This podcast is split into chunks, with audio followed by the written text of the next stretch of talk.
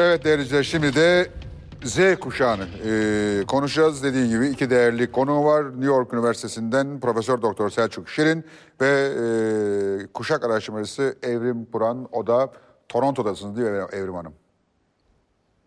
Evet, evet. E, hoş geldiniz. Hemen size e, sizle başlayalım. E, uzaktasınız diye size bir torpil e, yapalım. Hocam bir şey demez inşallah.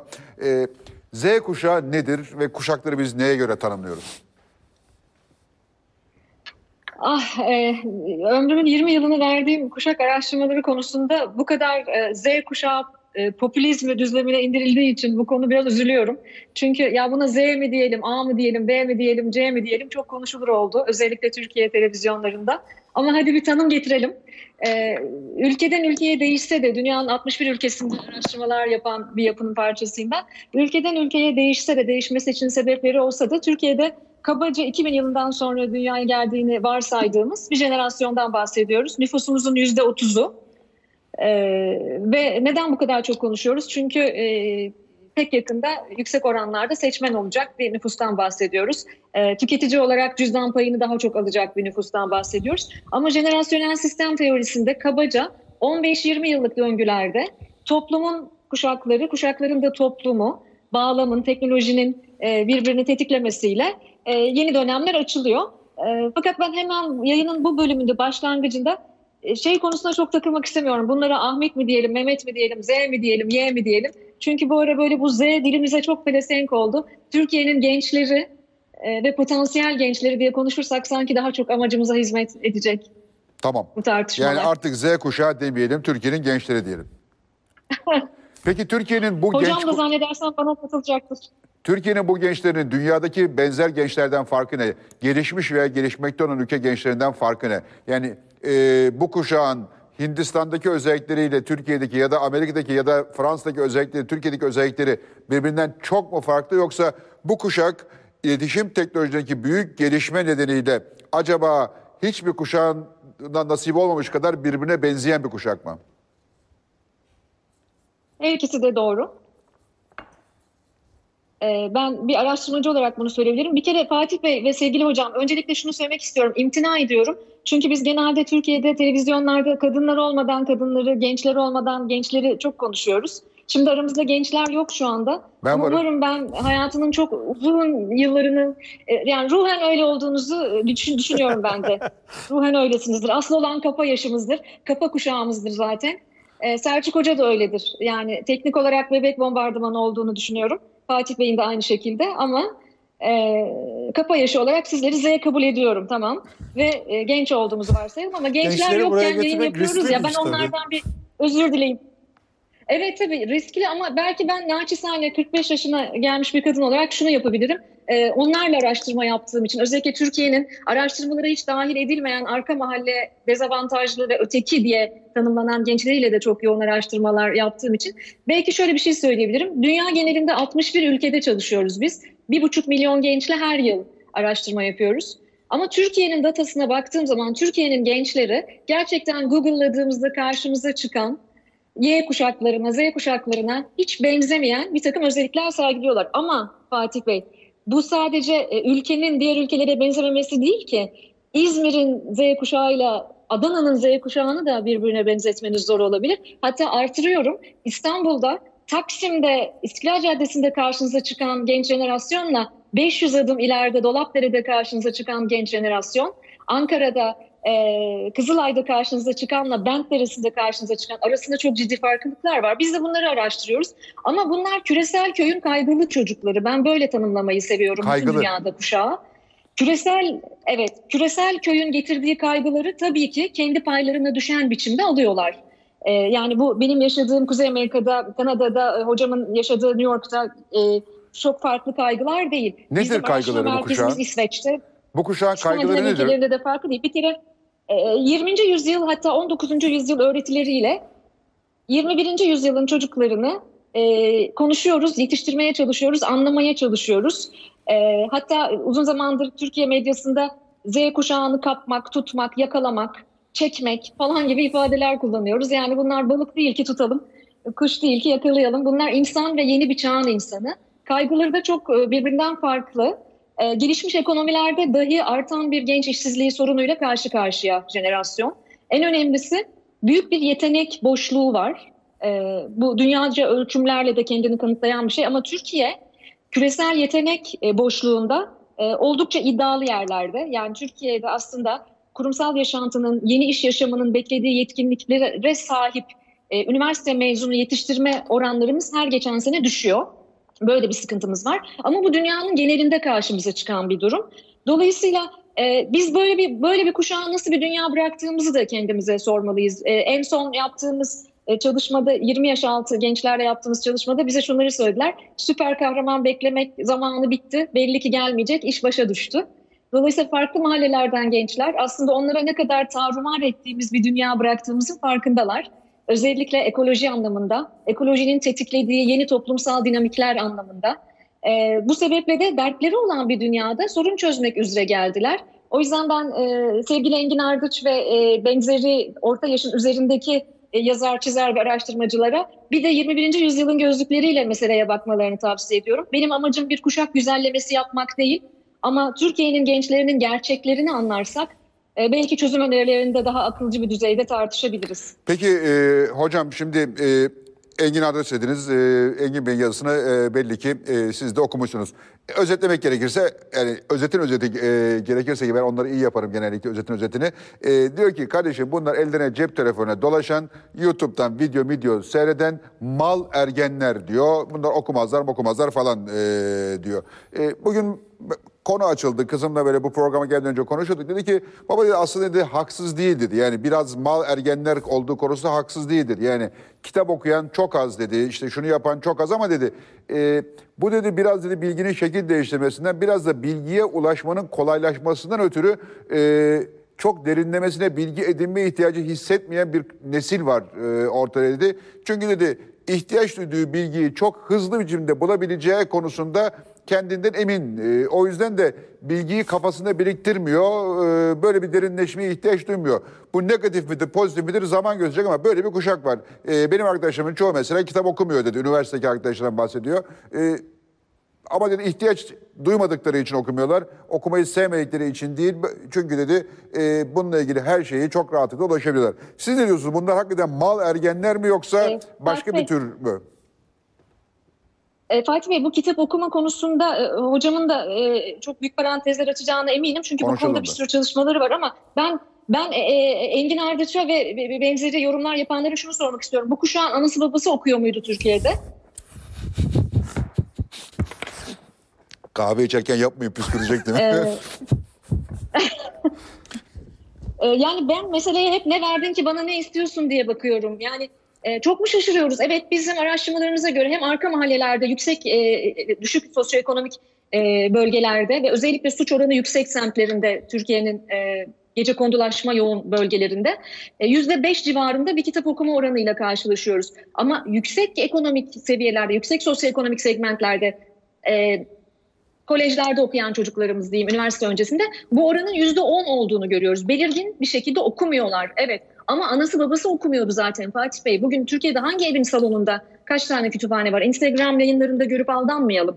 O yüzden bu bence çok Türkiye'nin temel bir sosyolojik problemi. Kuşaktan kuşağa aksettirilen bir problem bu. Buna bir Z kuşağı meselesi olarak bakarsak yankı odalarımızdan çıkamayız. Bu körlüğün üzerinde üstesinden gelemeyiz. Hocam daha iyi anlatacaktır. 0-3 yaşında Türkiye'de kaç aile çocuğunun eline kitap veriyor ki okusun? Ama bilgiye erişmekse bilgiye erişim konusunda iyiler. Ve fakat Türkiye'de dijital söz konusu olduğu zaman da varsılla yoksul arasındaki boşluğun çok açıldığını ne olur unutmayalım. Yani EBA'ya geçtik, e, akıllı telefonlar var, tabletler var, televizyonlar var e, diyerek aslında gene bir başka varsayımda bulunmayalım. Türkiye'de üniversite öncesi 18 milyon öğrenci Covid-19 süreci başladıktan sonra uzaktan öğrenime tabi oldu. Ama bunların sadece hanelerin %47'sinde yüksek band internet olduğunu biliyor musunuz Türkiye'de?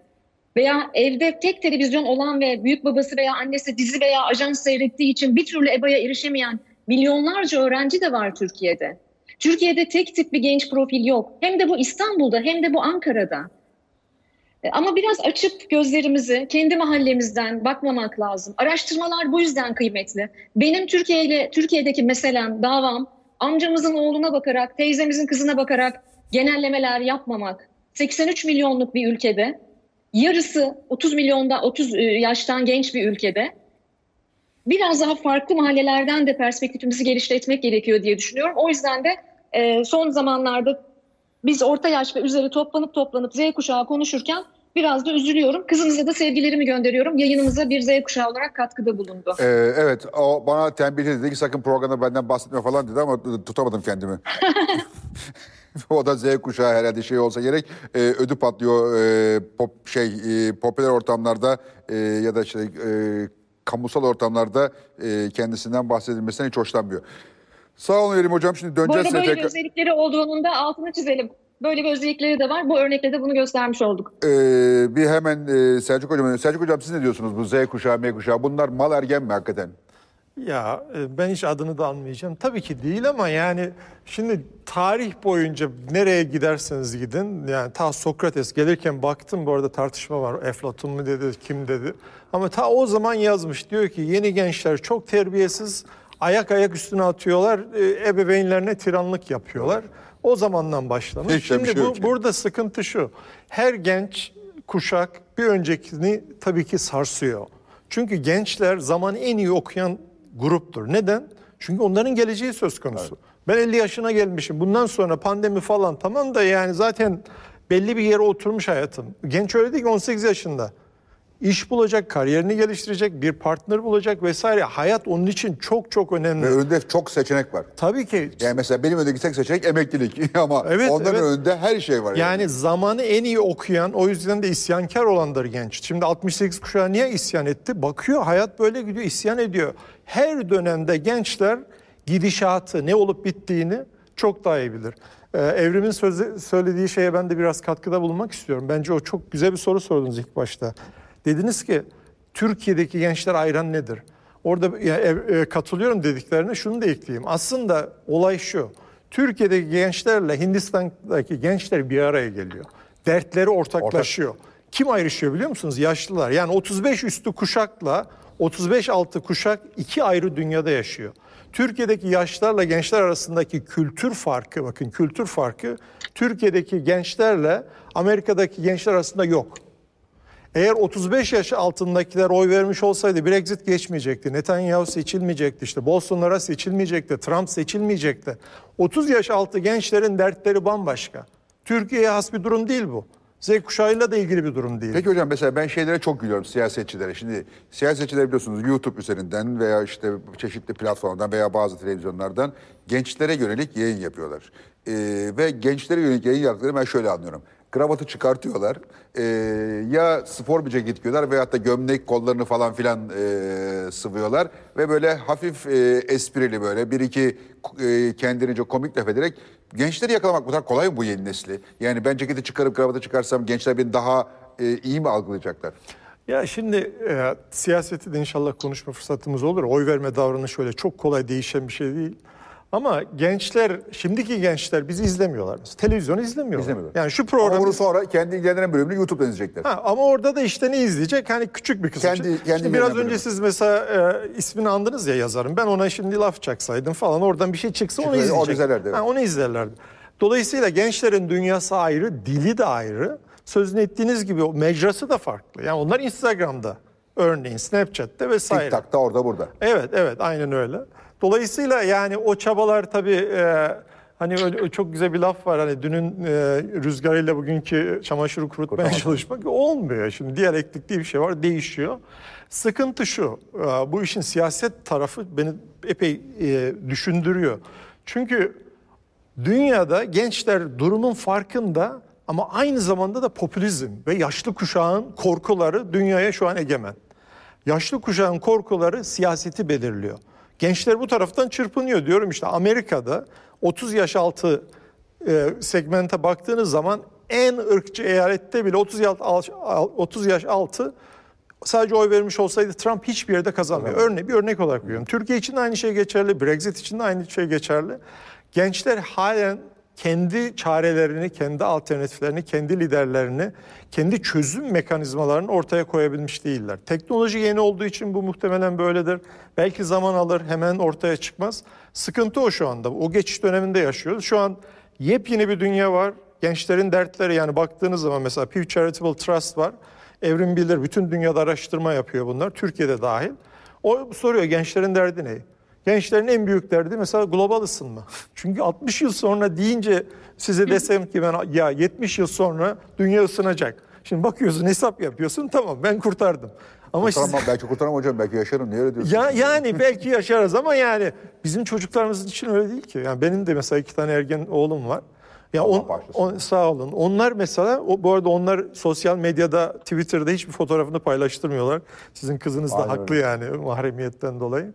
Ama mekanizma kurulmadığı sürece çok ciddi sıkıntılar bizi bekliyor. Çünkü gençlerin dünyası, sorunları, istihdam, iş arayışları teknolojiyle çakışıyor. Şu an teknoloji gençlerin iş bulma olanağını elinden almış durumda. Yani büyük bir oranda Türkiye'deki gençler de bunun içeris- içer- içerisine giriyor. Dolayısıyla eğer bugün burada konuşacaksak Z kuşağı değil, e, gençleri konuşalım ama gençlerin derdi ne? Söylüyor zaten gençler. İş istiyor gençler. Adil bir rekabet ortamı istiyor. Bütün bunlar olmasa Çevreye da- saygı istiyorlar büyük ölçüde. çevreye saygı istiyor. Genel e, yani Türkiye'de ilgili bilmiyorum ama genel dünya ortalamasına baktığınız zaman ırkçılık karşılar muazzam bir şekilde. Her türlü ırkçılık karşılar. cinsiyetçiliğe karşılar vesaire. Yani bizim Peki bunlar mesela büyüyünce değişiyorlar mı yani? Hani bu e, gençlik hevesi mi? Şey derler işte e, 20'sinde komünist olmayan, kalpsiz, 40'ında kapitalist olmayan, beyinsizdir falan gibi Çok laf var. Çocuklara değişiyor mu gençlerde? şimdi gençler elbette değişiyor. Yani oy verme davranışına Ya baktığınız babalarına zaman. benzeyecekler mi sonunda? Şimdi oy verme davranışı bakımından ciddi oranda benzeşiyorlar. Yani annesi babası ortam kim oy veriyorsa o, orada correlation çok yüksek. Dünyanın her tarafında böyle. Yani dinine, mezhebine, ırkına bizde o yok. Baktığın zaman oy verme davranışı oraya doğru geliyor. Ama ayrışma oranı artıyor. Dolayısıyla bir nüans var orada. Ee, çok kısa yanıt ver, verecek olursak tabii ki değişiyor. Yani babalarından, analarından ayrılıyorlar, ayrışıyorlar o yönde. O anlamda bir umut da var. Yani baktığınız Mesela zaman. son seçimde e, yani gençlerle böyle muazzam bir iletişim içinde olduğumu söyleyecek halim yok ama e, işte en azından evdeki bir tane gençle iletişimim var. Son seçimde gittiğimizde e, sandığa e, kızım şeye girdi. E, mesela kime oy vereceğini söylemedi bize. Bizim söylememizi de istemedi. Be- Beni etki altında bırakmayın dedi. Sandığa girdi. 20 dakika çıkmadı. Sonra çıktı dedi Zeynep ne yaptın? Bütün bütün verileri yeniden gözden geçirip ona göre kar- kararımın doğru olup olmadığını hesapladım dedi. Kime oy verdiğini hala bilmiyorum. Ama bu yani sizin e, ve eşinizin başarısı. Yani şimdi dünyada insanlar nasıl karar veriyor diye baktığınız zaman Daniel Kahneman diye Nobel alan bir e, vatandaş var. Tek psikologtur zaten Nobel alan. O diyor ki bir hızlı karar veriyoruz duygusal. Yaşlılar da öyledir. Yani biz duygusal karar veriyoruz. Kim hangi parti seçim e, beyannamesinde ne dedi diye oy veriyor. Zero yani 30-40 yaş üstü ama sizin kızınız hakikaten bakmış. Şimdi bizim arzumuz o tür insanların sayısının artması. Gençlerde o sayı yüksek oran olarak. Tek umudumuz da o. Öbür türlü herkes belli bir hınçla, belli bir geçmişle, dünün e, hikayesiyle Takım tutar gibi oy veriyor. Aynen, aynen. Peki e, Evrim Hocam şimdi e, bu kuşağın bir özelliği var. Özellikle Türkiye'deki bu kuşağın bir özelliği var. E, ilk kez Türkiye'de bu denli uzun süre eğitim almış bir kuşak yetişiyor. Yani e, öncesine baktığın zaman büyük bölümü e, ilkokul mezunu. Hatta yüzde beş oranında Türkiye'de hala okuma yazma bilmeyen e, var ne yazık ki. E, ya da okuma yazma bildiği kayıt altına alınamayan e, diyeyim. Belki öğrenmiştir dışarıda dışarıda bir yerde ama sonuçta ilk kez e, bu 96-97 sonrası doğumlularda şöyle bir özellik var. İlk kez Türkiye'de bunlar uzun süre mecburiyetten de olsa en uzun süreli eğitimi alanlar. Bu eğitimi almış olan onlara bir faydası mı oldu, zararı mı oldu? Çünkü gençlerde gördüğümüz önemli şeylerden bir tanesi şu, eğitimin içeriğini çok sert biçimde sorguluyorlar.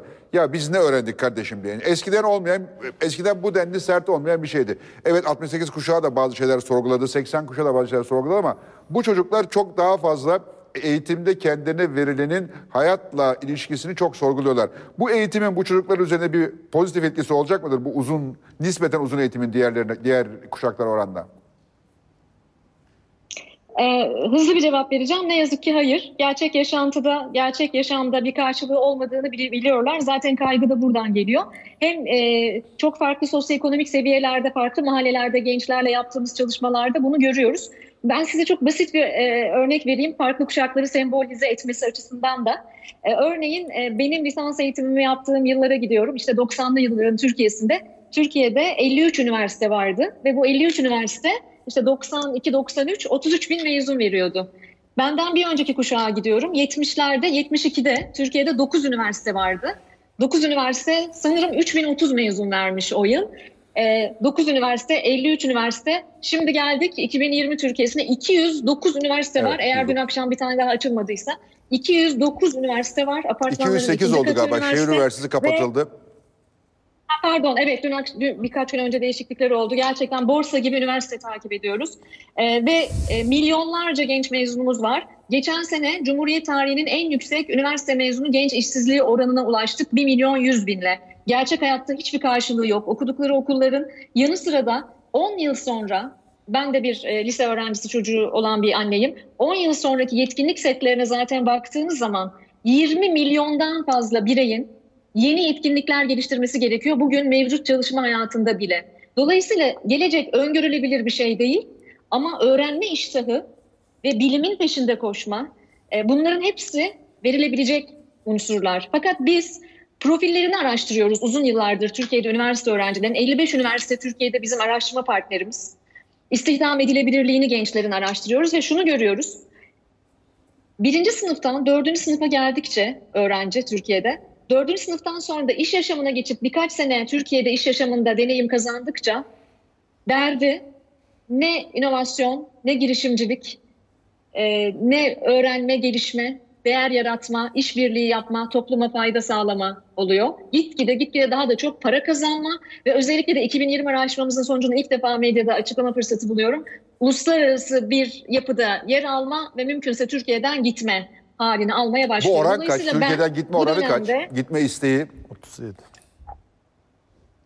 E, şu anda bizim araştırmalarımıza göre çok yüksek. %37-40 civarlarında çok yüksek bir oran bu. E, ama biz bunları sınıf bazında da ele alıyoruz. Üniversitenin başında, ortasında, sonunda nasıl diye. E, sene sonunda da e, son dönemde Türkiye'den ayrılan 3000 küsür e, genç beyinle ilgili yaptığımız araştırmaları yayınlayacağız. Neden gittiler, geri dönerler mi? Bu Vah vah vah. Peki e, Erol Hocam şimdi bir şey daha e, var. Habitat Derneği yaptığı bir araştırma var. Bu, bu, bu, bu bana çok dokundu. Yani e, her şey bir yana iş aramak, şu olmak, bu olmak, zengin olmaya çalışmak, para kazanmak. Bunların hepsi bir şey ama e, bu Habitat Derneği'nin araştırmasında e, garip bir e, durum var. Türkiye'de 18-29 yaş grubu gençlerin içinde bir alt grup var ki onlar ne bir işte çalışıyor ne bir iş arıyor ne de bir okula, e, kendini gelişeceği bir kursa, herhangi bir şeye devam evet. ediyor. Ev gençleri diyebileceğimiz Bunu bir konuşalım. genç kategorisi Ev var. Ev gençleri. Bu çok garip değil mi bu? Normal mi? Dünyada Sevmiyorum da böyle midir bu? Ee, o lafı sevmiyorum ama ona yani Habitat'ın araştırmalarını da biliyorum ama e, OECD'nin NEET'i üzerinden bakalım. Ben bütün kural koyuculara, bütün ebeveynlere, e, kamuda veya özel sektördeki bütün karar vericilere hep şunu söylüyorum yetişkinlere. Her gece yatmadan önce aklınıza ülkenizdeki NEET oranını getirin. NEET oranı şu, ne eğitimde ne de istihdamda olan gençler ve Türkiye şu anda 15-29 yaş arası ne okula giden ne de bir işte çalışan gençler de OECD ikincisi, birinci sırada Güney Afrika geliyor. Elmalarla armutları karıştırmayalım. Yani Güney Afrika'nın kendine has bir takım özellikleri var. Yüzde 26 buçukta. Ben sorunun şu olmasını isterim. Ev gençleri diyerek konuyu sempatikleştirmektense, çünkü bana ev genci deyince hala esprili ve sempatik bir şey geliyor. Ben şöyle sormak isterim soruyu. Okulda değil, işte değil, nerede? Hangi temas noktasında ben buna ulaşacağım? Ve son olarak şununla bağlamak isterim. Bir ülkede need oranı yani ne eğitimde ne istihdamda olan genç oranı arttıkça o ülkede suç oranı da artar bu perspektiflerle ele almamız gerekiyor. Demek ki bizim gençlerin üniversite diplomalarından ziyade sabah kalkmak için bir amaca ihtiyaçları var. İstihdam edilmek çok önemli bir dert. Bakın Fatih Bey çok enteresan bir şey söyleyeyim size. Biz e, bundan bir yıl kadar önce yaptığımız Türkiye'de 20 yaş altı gençler araştırmasında şunu sorduk. Sence Türkiye'de yaşamak nasıl bir şey? E, bunların hepsi yüz yüze araştırmalardır. Hem arka mahallelerde hem e, yüksek gelir grubu ailelerin çocuklarında. Ve her iki mahalleden de en çok verilen yanıt şu oldu. Zor. Zor. Yani negatif konotasyonlar, negatif ifadeler fazlasıyla yüksek geldi. Peki neyi değiştirmek isterdin sorusunda ise her iki mahalleden de adaletsizlik ve eşitsizlik yanıtı geldi. Çok yüksek oranlarla birinci sırada.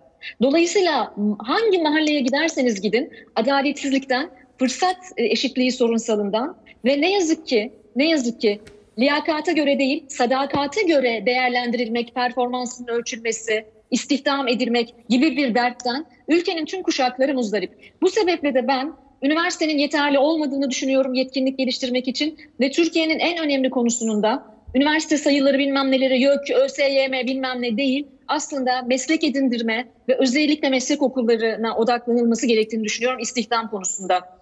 Bu bizim çok büyük bir kanayan yaramız. Sağ ol hocam. Ee, şimdi, Selçuk. hayır, e, o değil. Sor- soracağım soruyu e, makulleştirip e, sormak istiyorum. E, hani böyle bir garip bir tonlaması olmasın diye nasıl makulleştirme düşünüyorum. Şöyle diyeyim. E, şimdi biz gençliğimizde e, yani öğrenciyken ben lisedeyken üniversiteye başladığımda hep şöyle düşünürdüm. Bu okulu bitiririm, ne istersem yaparım ve hakkını verirsem yaptığım işin en üst noktası neyse onun gelirim. Mesela ben e, 20'li yaşların e, başında Cumhuriyet Gazetesi'nde çalışmaya başladığımda dedim ki herhalde 15-20 sene içerisinde ben buranın başına geçerim diye düşünüyordum. Sonra oranın değil başka yerin başına geçtim ama e, yayın yönetmeni olmak istiyordum. Oldum mesela. E, ve isterken değil istemezken oldum. Neyse. Yani bizim dönemimiz gençlerinde şöyle bir inanç vardı fırsatlar, fırsat pencereleri herkes için aynı oranda açık. Başı çalışan, bunu hak etme noktasına gelen insanlar aramızdan kimse biz buralardan gireceğiz. Bu pencereden girebiliriz diye. Ve pek çok arkadaşım bugün dekan olanlar var, sınıf arkadaşlarımdan rektör olanlar var, ne bileyim profesör olanlar var, iş hayatı çok. Hepsi yapmak istedikleri işte belli bir noktaya gelebildiler, emeklerini karşıladı. Şimdi bugün gençlerde benim karşılaştığım şu. Nereden karşılaştığım şu diyorum. Bize iş için başvuran gençler var çok sayıda. Ee, doğum tarihine baktığın zaman ne kadar yaşlandığımı bana hatırlatan e, gençler. Bunlarla konuştuğum zaman ben şunu görüyorum. Pek büyük bölümü özellikle kamuya yönelik işlerde, kamu sektöründeki işlerde kendilerine asla bir yer bulamayacaklarını, torpilleri olmadığını, tanıdıkları olmadığını ve bu yüzden de buralarda istihdam edilemeyeceklerini, edilseler bile hep düşük maaşlara çalışmak zorunda kalacaklarını, asla iyi bir yere gelemeyeceklerine yoğun bir inanç var. Bu inanç haklı bir inanç mıdır ve bu inanç bu çocukları çok mu kötü mu, ters yönde motive ediyor? Kesinlikle. Bence gençler üzerine konuşurken işte adalet diyoruz ya soyut bir kavrammış gibi sanki gündelik hayatımızda hiçbir karşılığı yok. Bir ideal yani işte adil olacak toplum falan. Değil. Sofradaki ekmek adalet. Sizin sözünü ettiğiniz nedenden dolayı. Şimdi burada biz işte burada 10 kişiyiz stüdyoda. Aynı sizin dediğiniz gibi deseler ki ya bu stüdyoda iyi olana şu fırsat verilecek. Hepimiz çaba harcarız istiyorsak. Deseler ki ya torpille işte kim Fatih Bey'i tanıyorsa o olunacak. 9 kişi çalışmayız. Vazgeçersiniz. Üretkenlik düşer. Asılmazsınız. Şimdi Türkiye'deki gençlerin durumu bu. Diyor ki ağzımda kuş da tutsam bu iş olmayacak. O yüzden çalışmıyor. O yüzden üretkenlik düşüyor. Üniversitelerde bu kadar başarısızlık, yani üniversiteler var, binalar var, hocalar var. Niye çocuklar öğrenmiyor? Niye çaba harcamıyor? E niye harcasın? Mezun olunca ne oluyor biliyor musunuz? Dünyada çok az ülkede, ikinci ülke varsa ben bilmiyorum. Eğitim seviyesi yükseldikçe işsizlik oranı artar mı ya? Eğitim seviyesi yükseldikçe işsizlik oranı düşer. Çünkü siz beceri kazanıyorsunuz. Üniversite mezunuysanız Türkiye'de lise mezununa göre işsiz kalma olasılığınız daha yüksek. Bir düşünün bir ne demek bu? Ne mesajı veriyoruz çocuklara? Okuma kardeşim. İş bulmak istiyorsan, ev kurmak istiyorsan, hayatını e, idame ettirmek istiyorsan okuma. Buradan yola çıkarak ama başka bir şeyi konuşalım. Yani şimdi bakın e, bu her e, evrim dedi ki bu NEET oranı dedi. Bu çok önemli. OECD bizim devletin parasıyla, vergisiyle ve ver- veri toplayan ve büyükelçilik nezdinde temsil eden bir kurumdur. Bizim yarı resmi dahil olduğumuz bir kurum. Dolayısıyla önemli bir istatistik. %25-27 diyor aslında %30'lardan geldi oraya. Yine %30'a çıkacak. Bu şu demek Türkiye'de yaklaşık 5 ile 7 milyon arasında genç ne işte ne okulda ne kursta ne sporda hiçbir şeyde yok. Tamamen boşlukta. Ve acı olan şu. Şimdi o sıralamaya baktığınız zaman OECD'de biz birinciyiz. Bizden sonra Yunanistan var, İspanya var vesaire.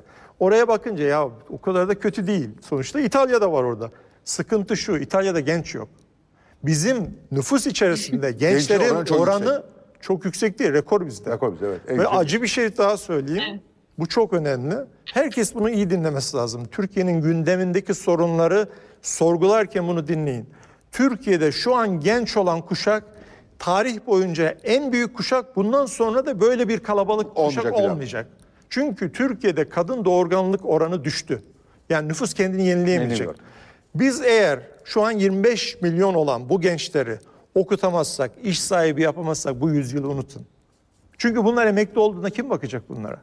Bunlar hasta olduğunda hangi sigorta sistemi bunları besleyecek? Taşıyacak. Şu an Türkiye'de 65 yaş üstü gençlerin şey, gençlerin siz değilsinizdir muhtemelen 65 yaş üstü seçmenle 18-24 yaş arası seçmene bakın hangisi daha yüksek tahmin edin. 18-24. 18 yani yaşlı yok Türkiye'de. Covid'de çok başarılıyız falan en büyük nedenini söyleyeyim. Yaşlı yok yaş Türkiye'de. olmaz.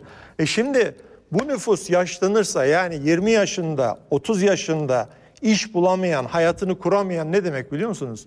40 yıl boyunca bu kuşak bu topluma yük, Yük olacak. olacak.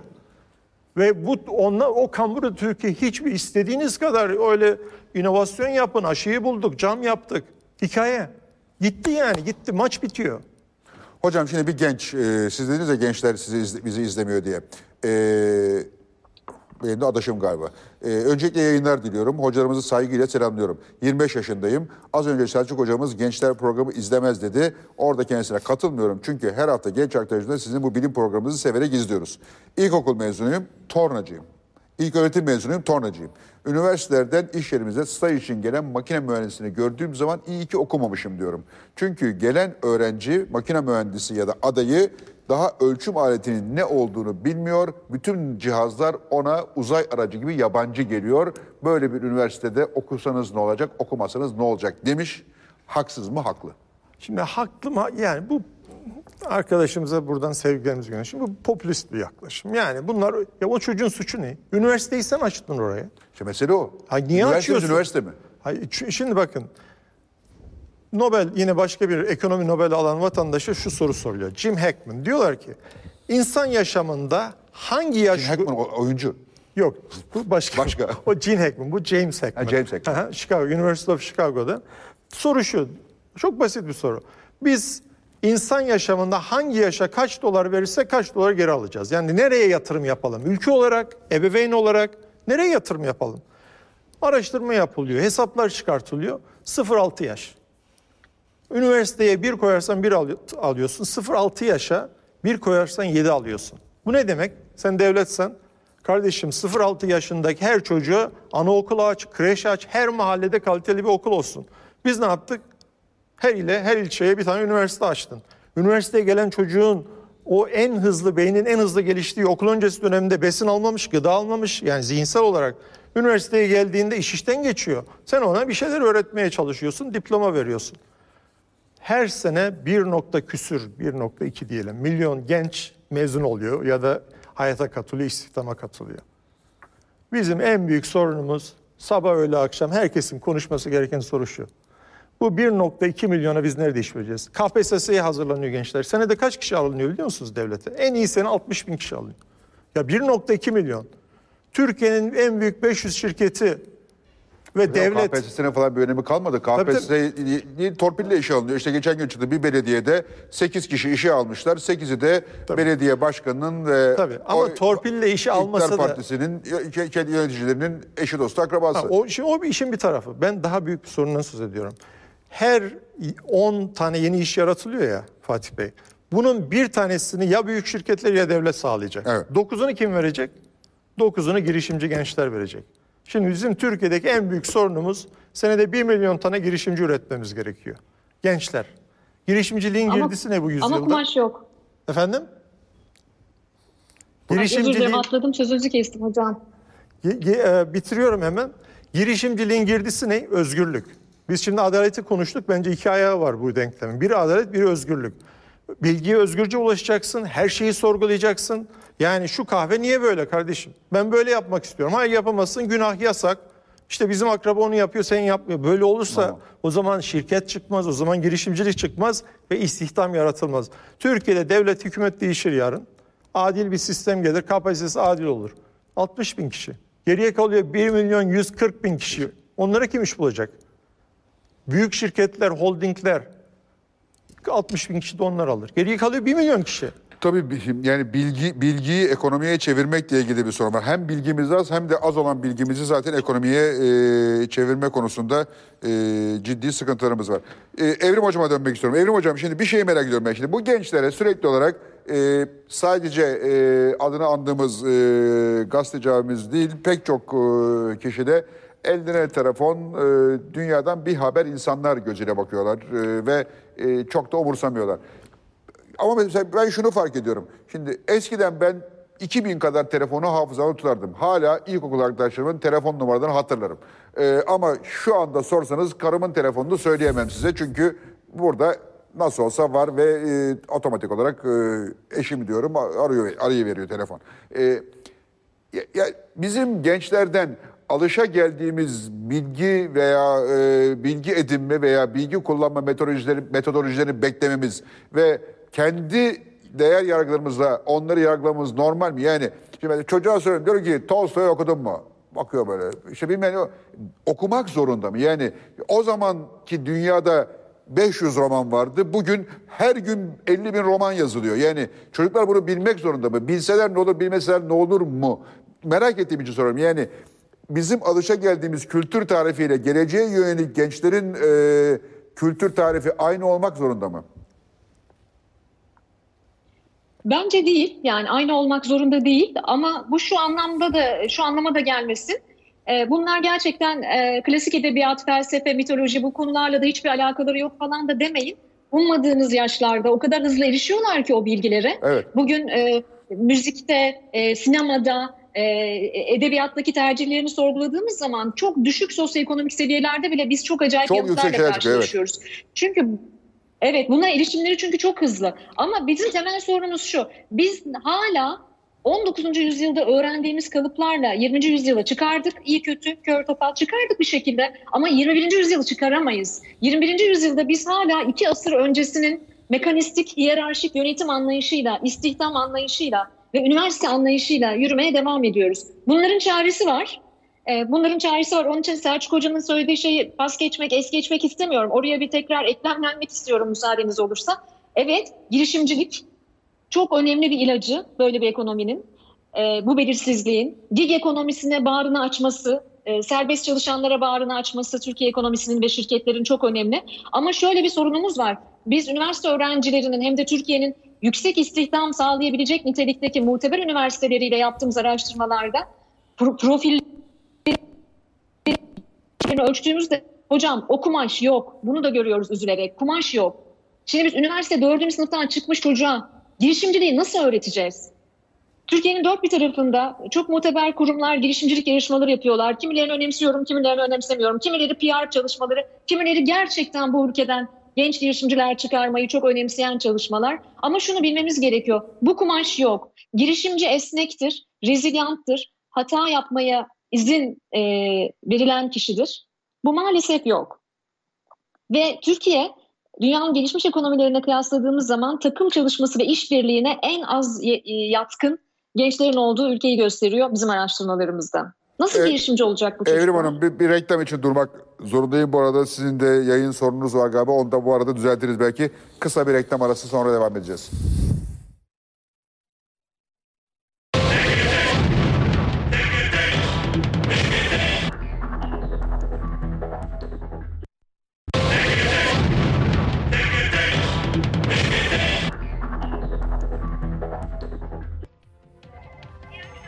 Evrim Hocam bu Z kuşağı başa bela ben size söyleyeyim. Size çok yoğun bir şekilde şu soru e, geldi. Re- reklam arasında maillere daha detay bakma fırsatı buldum.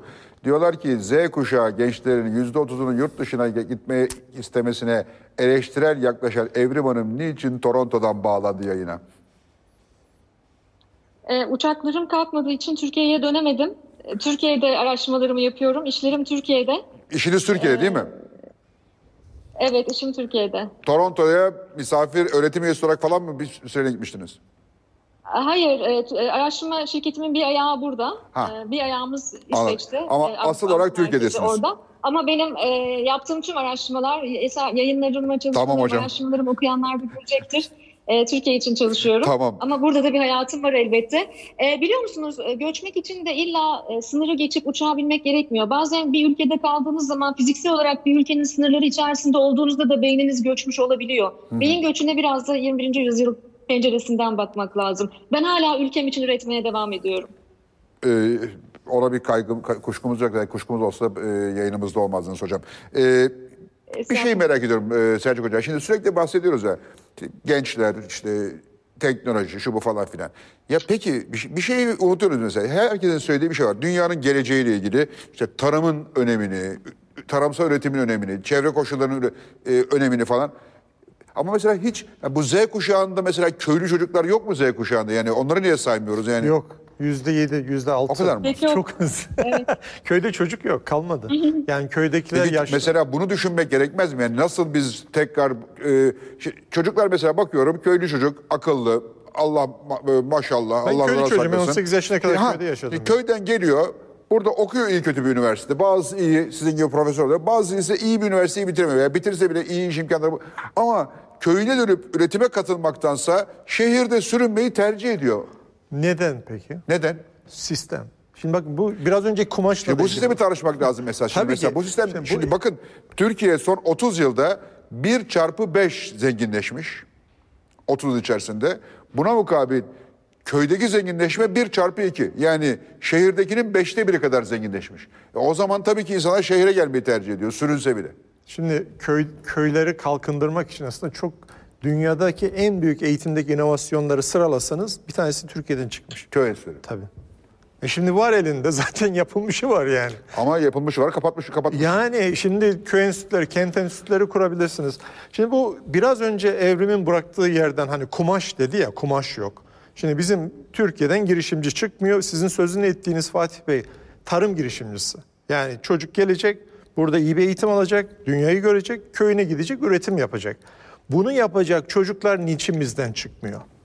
Bizim çocuklarımızın zekasında mı sıkıntı var? Beceri setleri mi zayıf?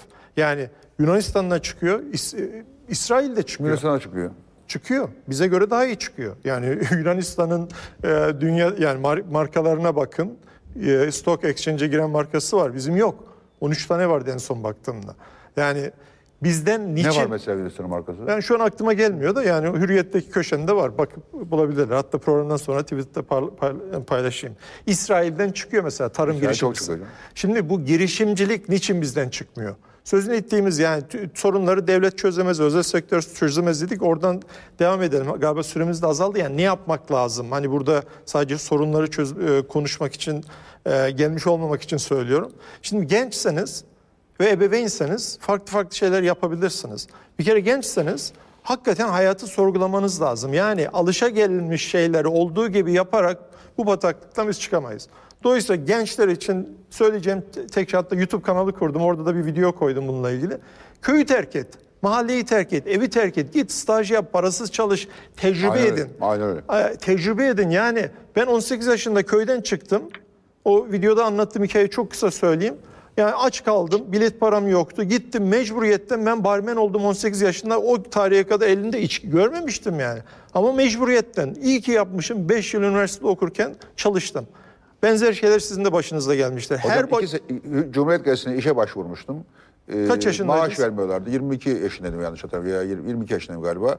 Maaş vermiyorlardı. Ee, parasız çalışıyordum. İki sene maaş almadan çalıştım. Tabii. Şimdi ben bu bizi dinleyen bütün gençlere o yüzden evi terk edin. Ev genci diyoruz ya. Evi terk edin. Yani git bir usta bul, yanında çırak ol. S- Tezgahsa tezgah, pazarsa pazar. Ayıp değil, tecrübe edin. Aynen, Yoksa ayıp değil. diplomayla falan Aynen, ulaşacak ayıp iş değil. Bir de hayallerim varsa Mevlana'nın çok güzel bir sözü var. Öyle hani bize böyle saçma sapan şeyler var. Yok Alman işte baş, biz başlıyoruz Alman bitiriyor falan. Yok yalan biz başlamıyoruz. O söz de yalan. Biz başlamıyoruz. Başlasak girişim çıkardı buradan. O yüzden başlayın. Mevlana'nın sözü şu. Diyor ki yola çık yol görünür. Çık kardeşim yola. Yani orada karpuzsa karpuz, kavunsa kavun neyse yani. Ayakkabıysa ayak- bir şey yap. Başarısız ol. Ayağa kalk bir daha yap. Başarısız ol ayağa kalk bir daha yap. Gençlere bunu söylüyorum. Ama bizi dinleyen ebeveynlere asıl benim sözüm var. Ya, in- İnşallah sizi dinleyenler... Ebeveynler çocuklarını korkutuyorlar. Ya ebeveynler çocuklarını dert etmiyor. Türkiye'de saçma sapan gündeme alkış tutan bütün ebeveynler bu çocuğun gelecekle, geleceğiyle oynuyor. Kendi çocuğun geleceğiyle oynuyor. Türkiye'deki saçma sapan partizan bütün tartışmalara taraf olan ebeveynler çocuklarının geleceğiyle oynuyor. Ayasofya cami olsun mu olmasın dersen olsun. çocuğunun geleceğiyle oynuyorsun demek. Aynen, aynen. Yani sofradaki ekmeğin eksiliyor. Sen kurtardın ya bu çocuklar ne olacak yani? Her sene bir milyon insanın iş bulması lazım. O Ayasofya- yüzden- Ayasofya'ya imam olurlar belki büyük cami diye. Çok Bir imam. kişi olur. Cami büyük ya belki çok imam olurlar. ya o yüzden bu adil rekabet dediğimiz şey sizin ilk başta sözünü ettiğiniz olmadan bu Hocam şimdi gençlerin mesela sürecek... bakın bu diyorsunuz ya şimdi mesela girişimcinin temellerinden bir tanesine bankacılık sistemi. İyi bir projeniz varsa bankacılık sistemi sizi destekler mesela bir, bir noktadan sonra. Dersiniz ki ben bunu yapacağım. Banka size 100 bin lira verir, 500 bin lira verir. İşte bugün Türkiye'de böyle bir bankacılık sistemi var mı?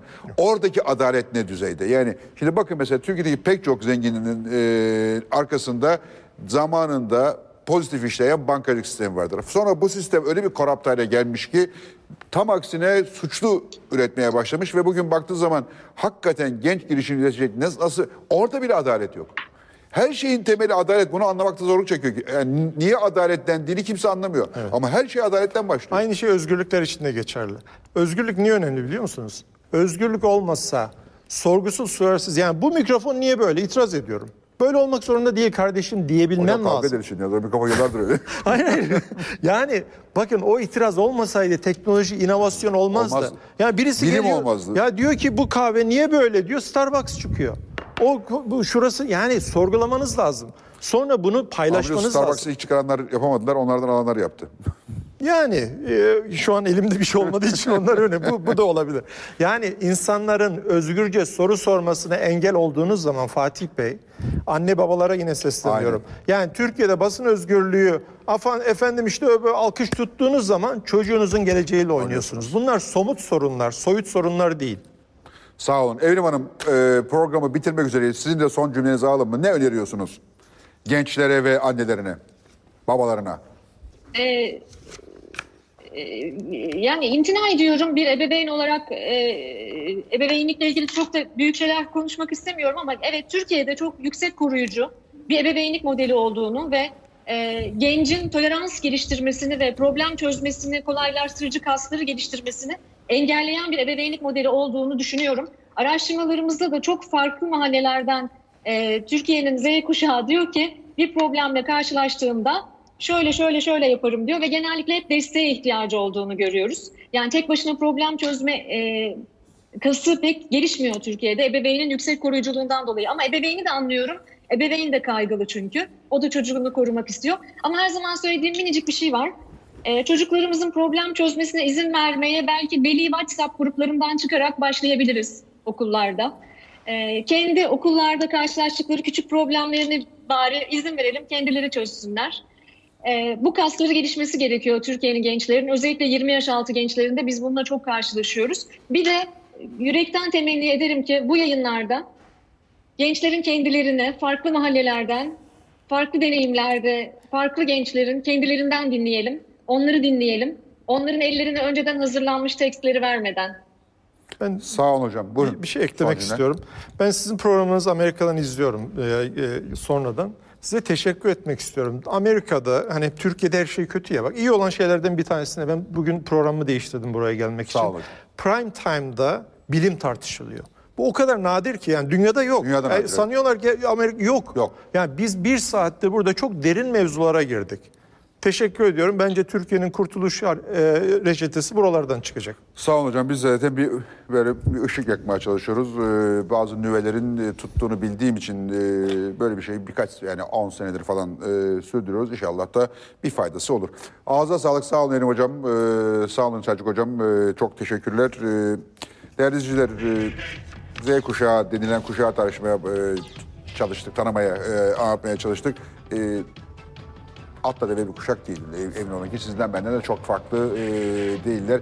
Hepimiz bir dönemde gençtik e, ve aslında e, bilmediğimiz bir şey değil genç olmak. Onları daha iyi anlamak lazım. Biz o gün ne hissediyorsak bugün bu çocuklar da hemen hemen aynı şeyleri hissediyorlar.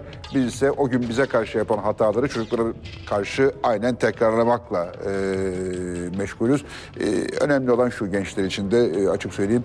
e, dünyada bir, bir tek şeye ben inanıyorum. E, yapacağınız her ne olursa olsun inatçı olun. Yapmak için elinizden geleni yapın.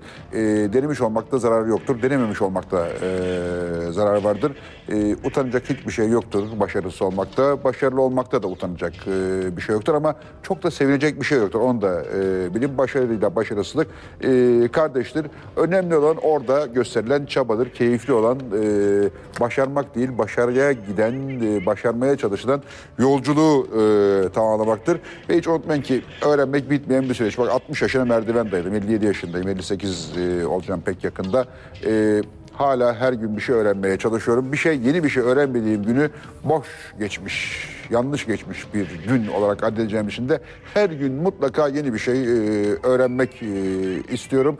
E, şu kadarını söyleyeyim. Bugün otomobille e, güney illerimizden birinden buraya geliyordum. E, yanıma da bir dergi almıştım. E, Amerikan bilim dergisi almıştım. E, Gişede para öderken dergideki bir sayfaya bakarken çok ilgimi çekti. Gişeden çıkıp kenara çektim ve makaleyi e, okudum. Öğrenmek bu kadar keyifli bir şey ve öğrendiğiniz zaman muhakkak bir faydasını görürsünüz. Görüşmek üzere. Hoşçakalın.